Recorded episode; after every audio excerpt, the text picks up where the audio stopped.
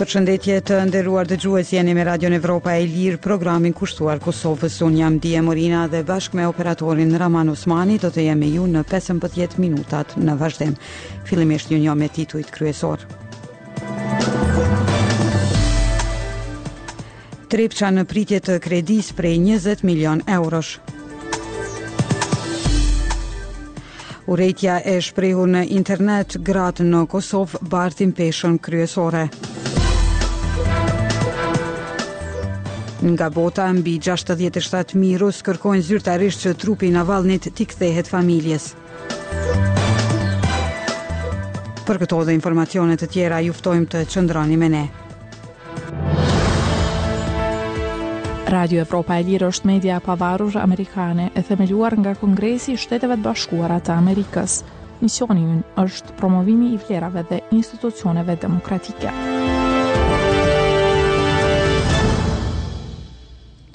Sot bëhen tridhjetë e pesë vjet kur në vitin një mijë e nëntëqind e tetëdhjetë e nëntë minatorët e Kombinatit Metalurgjik Trepça hynë në grevë urie në mbrojtje të Kosovës nga regjimi i atëhershëm i Sllobodan Millosheviqit.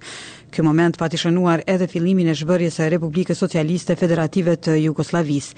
Edhe pse është theksuar nga qeveria aktuale mungesa e investimeve në këtë kombinat dhe është miratuar një kredi prej njëzet milionë eurosh për zhvillimin e Trepçës, fondet mbeten të papërdorura. Nga Ministria e Ekonomisë nuk është ofruar një kohë specifike se kur mund të shfrytëzohet kjo kredi, e cila u miratua në shkurtin e vitit të kaluar. Arta Sopi sjell hollësi. Krim e kishte konsideruar kryeministri i Kosovës, Albin Kurti, mungesën e investimeve në Kombinatin Metalurgjik Trepça. Nuk është krim vetëm kur bën diçka keq, por edhe kur s'bën diçka mirë e ke përgjegjësinë për një gjë të tillë. Kishte deklaruar ai në fund të janarit të vitit dy mijë e njëzet e një, përpara se të merrte pushtetin për herë të dytë. Rreth dy vjet më vonë, në shkurt të vitit dy mijë e njëzet e tre, qeveria e tij miratoi një kredi prej njëzet milionë eurosh për investime në Trepçë. Por, edhe një vit pas, këto mjete nuk u ekzekutuan. Ministria e Ekonomisë tha në një deklaratë me shkrim për Radion Evropa e Lirë se për shpërndarjen e tyre janë kërkuar standarde të larta të kontrollit të brendshëm operativ e financiar, si dhe përgatitje e hulumtim i tregut. Ajo nuk dha ndonjë afat se kur pritet të ndahen mjetet dhe nuk iu përgjigj pyetjes se a është planifikuar ndonjë investim konkret. Udhëheqës të ndërmarrjes thonë se këto mjete do të zgjidhnin shumë probleme në kombinatin që ka sektorë në jug dhe në veri të Mitrovicës. Kryetari i Sindikatës së Punëtorëve të Trepçës, Ibrahim Jonuzi, i përshkruan si jashtëzakonisht të rënda kushtet e punës për kolegët e tij. Nevoja e parë e tyre, thotë ai, është ndihma mjekësore, përkatësisht vendosja e një ekipi mjekësor në dispozicion të minatorëve. Ai tregon se edhe pajisja e minatorëve me rroba pune, helmeta e llampa ndriçuese që bëhet nga menaxhmenti i kompanisë është shpesh sfiduese. Sipas tij, disa minatorë i kanë marrë pajisjet në janar, por për disa të tjerë ka pasur vonesa. Jonuzi thotë se mjetet e punës janë të vjetra, po ashtu, gjë që sipas tij ngadalëson punën dhe rrit rrezikun. I përket lokomotivave këtu, këto vitet e fundit nuk ka pas fare, dhe vetëm në para 5 viteve ka pas një investim në transportin kryesor, konkretisht është furnizu me një lokomotivë 3, përsa këto në minierë janë që nga Koha para luftës. Ish-kryeshefi i Trepçës, Basri Ibrahimi thotë se në këtë ndërmarrje ka vetëm improvizime afatshkurtra.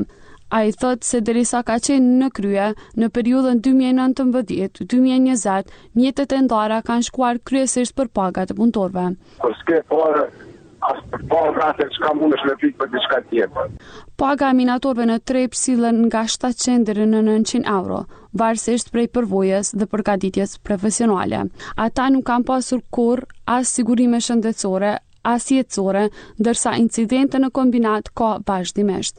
Një i tillë ndodhi edhe në janar, kur gjatë transportimit të acidit sulfurik në ambientet e punës u lënduan 13 minatorë. Sfidë për minatorët është edhe pensioni.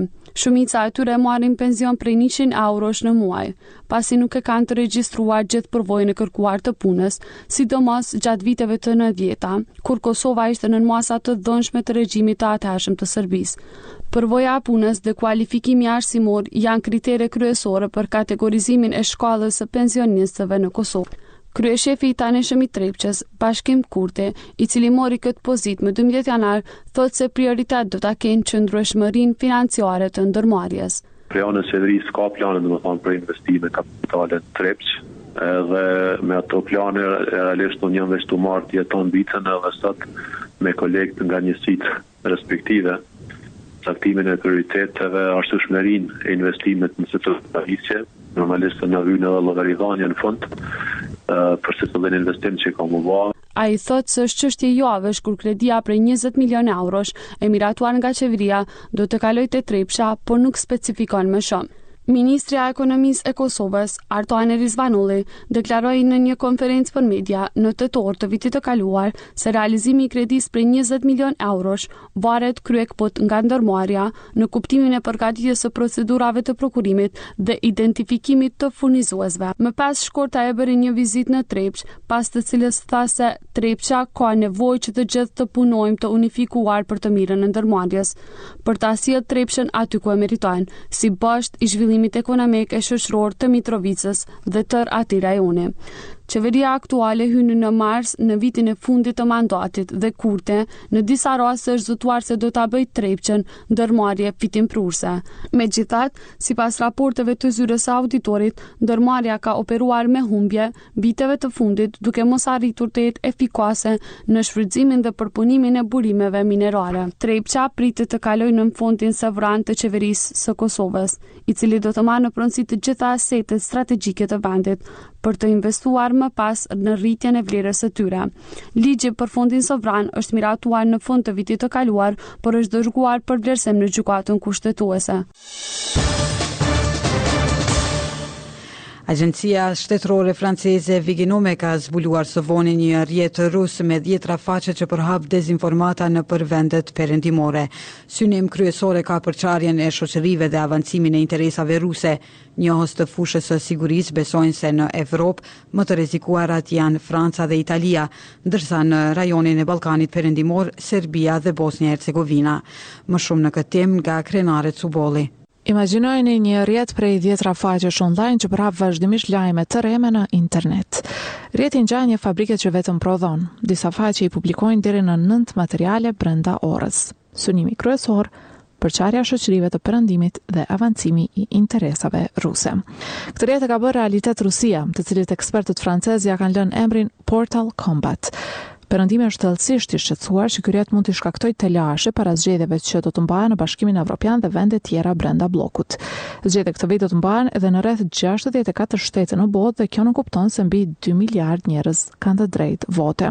Duke adresuar këtë problem, kryediplomati i Bashkimit Evropian Josep Borrell ka thënë se lufta e re në botë me dezinformata nuk ka të bëjë me bomba që vrasin, por me fjalë dhe ide që mund t'ua kolonizojnë mendjen. Duke komentuar rrjetin, Jakub Kalenski, prej Qendrës për Ndikim Hibrid me bazë në Finlandë, i ka thënë Radios Evropa e Lirë se ndonëse nuk dihet nëse ky rrjet ka apetit në Ballkan, rusët janë shumë të interesuar të shtrijnë fushata të ngjashme atje. Rrjeti Kombat është zbuluar prej agjencisë franceze Viginum dhe përbëhet prej 93 faqeve që përhapin pikëpamjen e Moskës për luftën e Rusisë në Ukrainë dhe kritikojnë qeverinë në Kiev. Por jo vetëm kaq. Shembull, në Francë, përmes këtij rrjeti kanë qarkulluar lajme të rreme për Lojërat Olimpike Verore që do të mbahen verës në Paris, si dhe për prezencën e ushtrisë franceze në Niger dhe Gabon. Agjencia që e ka zbuluar rrjetin Viginum është agjenci e krijuar më 2021 prej autoriteteve shtetërore franceze për të gjurmuar ndërhyrjen digjitale prej subjekteve të huaja që synojnë të ndikojnë në opinionin publik.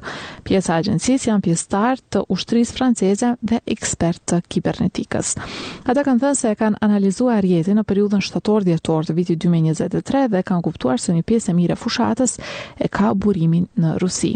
Ky rrjet nuk krijon përmbajtje vetë, por vetëm e kopjon atë prej tri burimeve të ndryshme. Llogarive në rrjetet sociale, kryesisht prej Telegramit, që janë të zyrtarëve apo figurave ruse me ndikim, agjencive ruse të lajmeve dhe faqeve zyrtare ruse apo institucioneve lokale.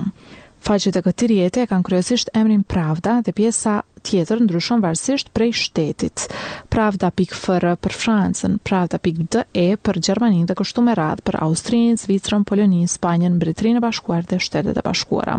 Një arsye pse përdoren domene të ndryshme varësisht prej vendeve është që informacioni të përhapet nëpër zona lokale. Zyrtarë të lartë të vendeve të BE-së i kanë kritikuar përpjekjet ruse për dezinformim dhe janë zotuar për marrjen e masave për luftimin e tyre.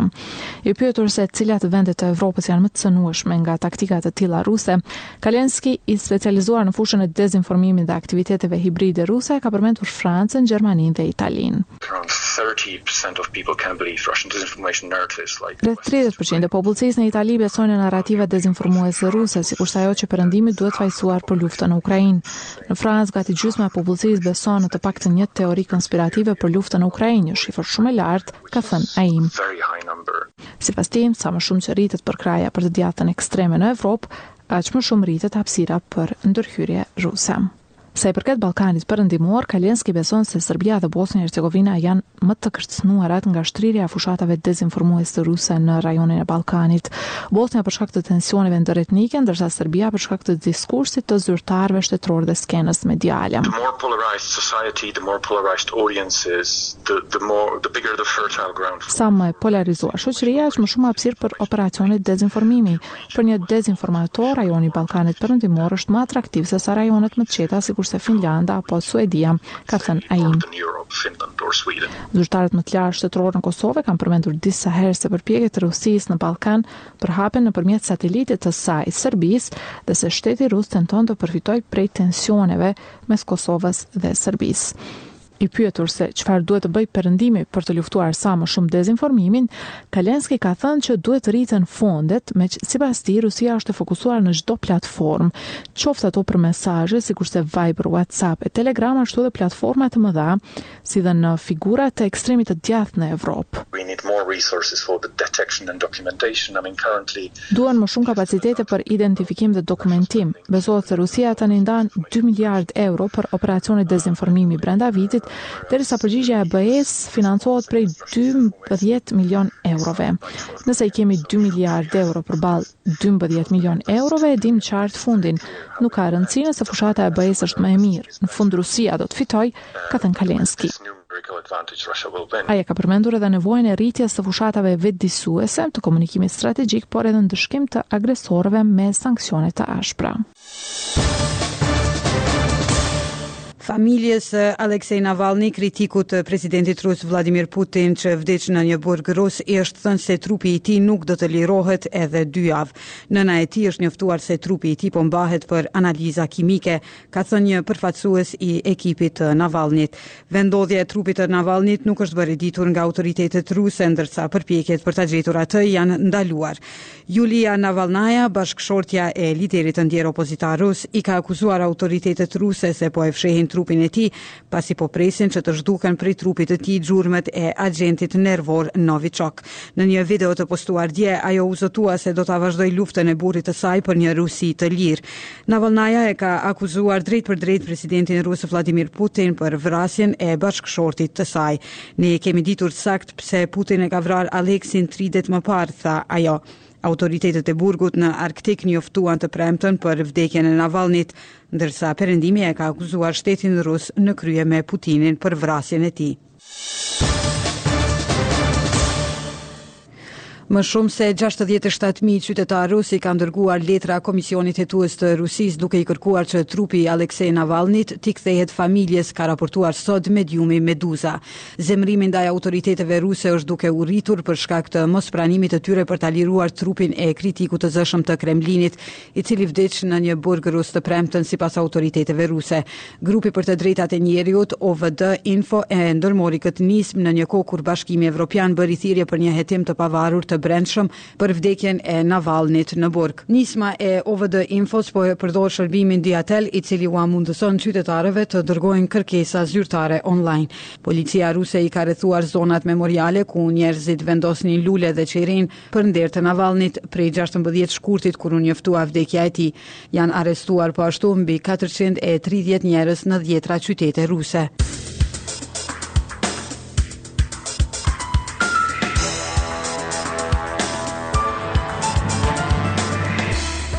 Ishin këto të gjitha materialet e përgatitura për edicionin e mesditës. Për lajmet e fundit dhe informacione të tjera mund të vizitoni faqen tonë në internet evropaelir.org. Jemi aktiv edhe në rrjetet sociale Facebook, X, Instagram, Threads dhe YouTube. Deri në takimin tonë të radhës, mirëmbetshi.